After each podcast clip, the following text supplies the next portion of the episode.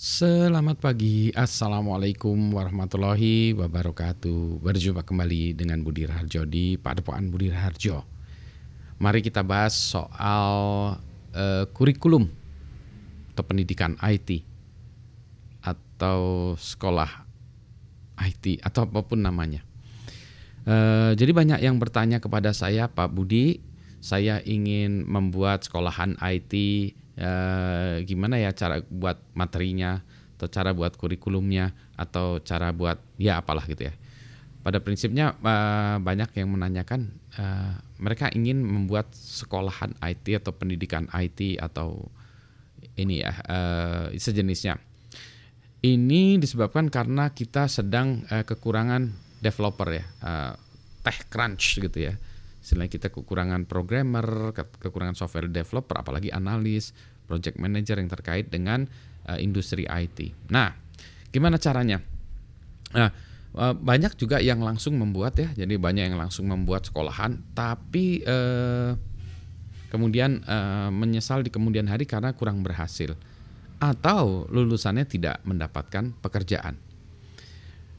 Nah, kalau dari kacamata saya ini opini saya, ketika kita mengembangkan sebuah eh, apa ya jurusan prodi, sekolahan baru atau apa pun, maka kita harus lihat dulu. Yang pertama itu eh, siapa yang akan menerima lulusannya dulu, ya. Jadi marketnya dulu atau pasarnya dulu ini siapa. Jadi jangan kita misalnya eh, ngajarin eh, siswa untuk mengelola database, no SQL gitu. Nah, tapi sebetulnya nantinya ini siapa? Atau saya akan mengajari uh, anak-anak ini menjadi web developer. Lagi-lagi siapa? Atau saya akan mengajari um, uh, apa membuat pendidikan blockchain programmer. Lagi-lagi siapa? Jadi uh, ini dulu ya, lihat itu dulu. Ini pengalaman saya dulu. Saya ambil contoh ketika uh, kami mengembangkan uh, materi untuk uh, SMK Teknologi Informasi atau SMK IT gitu ya. Uh, lebih tep, lebih khususnya untuk teknik komputer dan jaringan. Jadi pertama kali yang kami lakukan adalah mendatangi calon customernya yaitu uh, Indosat, Telkom, Lintas Arta dan perusahaan sejenis.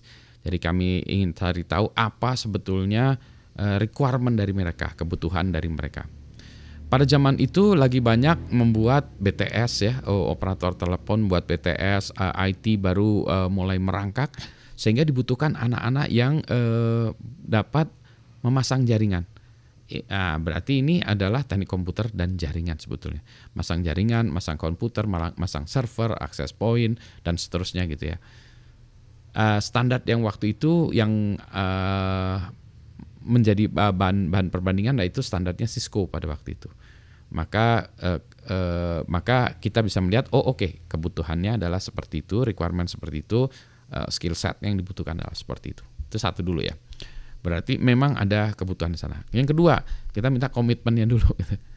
hey, kalau eh, kami menghasilkan SDM kayak gini, siap nggak? Oh, jelas mas, langsung kita butuh. Kenapa? Karena kita butuhnya ribuan.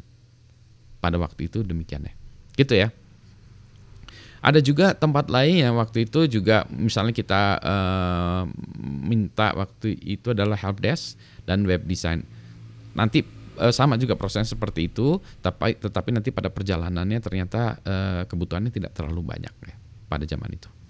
Oke, balik lagi. Jadi Anda harus cari tahu dulu uh, requirement kebutuhannya si industrinya apa, kemudian komitmen untuk menerima calon pekerja ini ya. Sambil perkirakan jumlahnya berapa. Tuh dari sisi uh, marketnya. Yang kedua, barulah kita mengembangkan materinya sesuai dengan kebutuhan tadi. Kalau kita misalnya katakanlah standarnya adalah Cisco, maka kita kembangkan sesuai dengan standar Cisco, gitu ya. Nah, kita buat sendiri. Uh, kalau sekarang mungkin apa, mikrotik lah atau apa pun ya. Jadi itulah yang kita kembangkan. Uh, nah, berarti harus mengembangkan semuanya dari mulai sini sampai detail. Kadang materinya atau bahan ajarnya tidak ada sehingga terpaksa eh, Anda harus mengembangkan bahan ajarnya sendiri. Itu yang terjadi dengan kami semuanya harus dikembangkan. Oh bahan ajarnya segala macamnya. Terkait dengan itu, nah ini yang mendidik tadi ya, gurunya. Nah, pengajarnya siapa?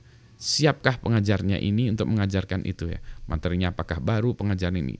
Komitmennya seperti apa? Nah, ya, jadi itu eh, pengajarnya. Apakah pengajarnya perlu disekolahkan dulu, di training dulu ya, training for trainers. Apakah pengajarnya perlu disekolahkan dengan secara formal, disekolahkan supaya sampai S2 katakanlah gitu ya. Nah itu yang perlu dipikirkan ya pengajarnya. Jadi tadi uh, ada ada industri kebutuhannya, ada yang mengajarkannya. Nah ada satu pihak lagi yang menguji. Nah menguji ini bisa menguji ujian, sertifikasi gitu ya.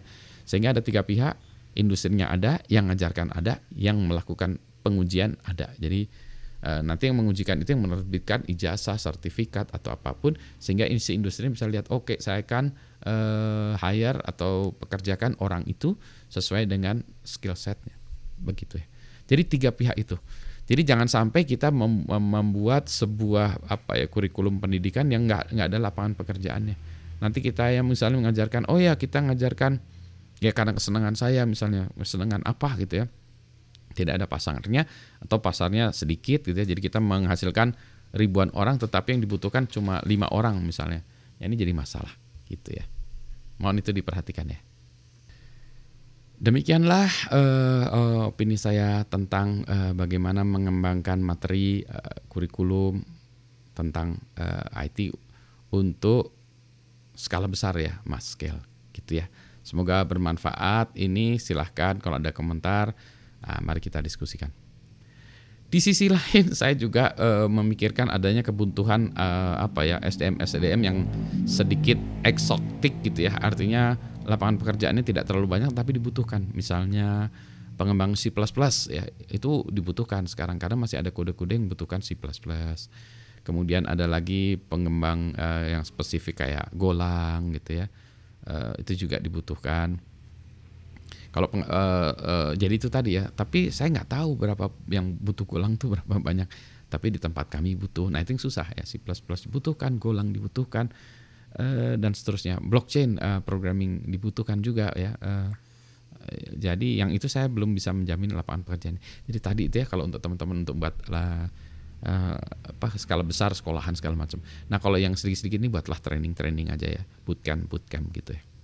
Gitu sesuai dengan kebutuhan aja. Ya, selamat pagi. Assalamualaikum warahmatullahi wabarakatuh.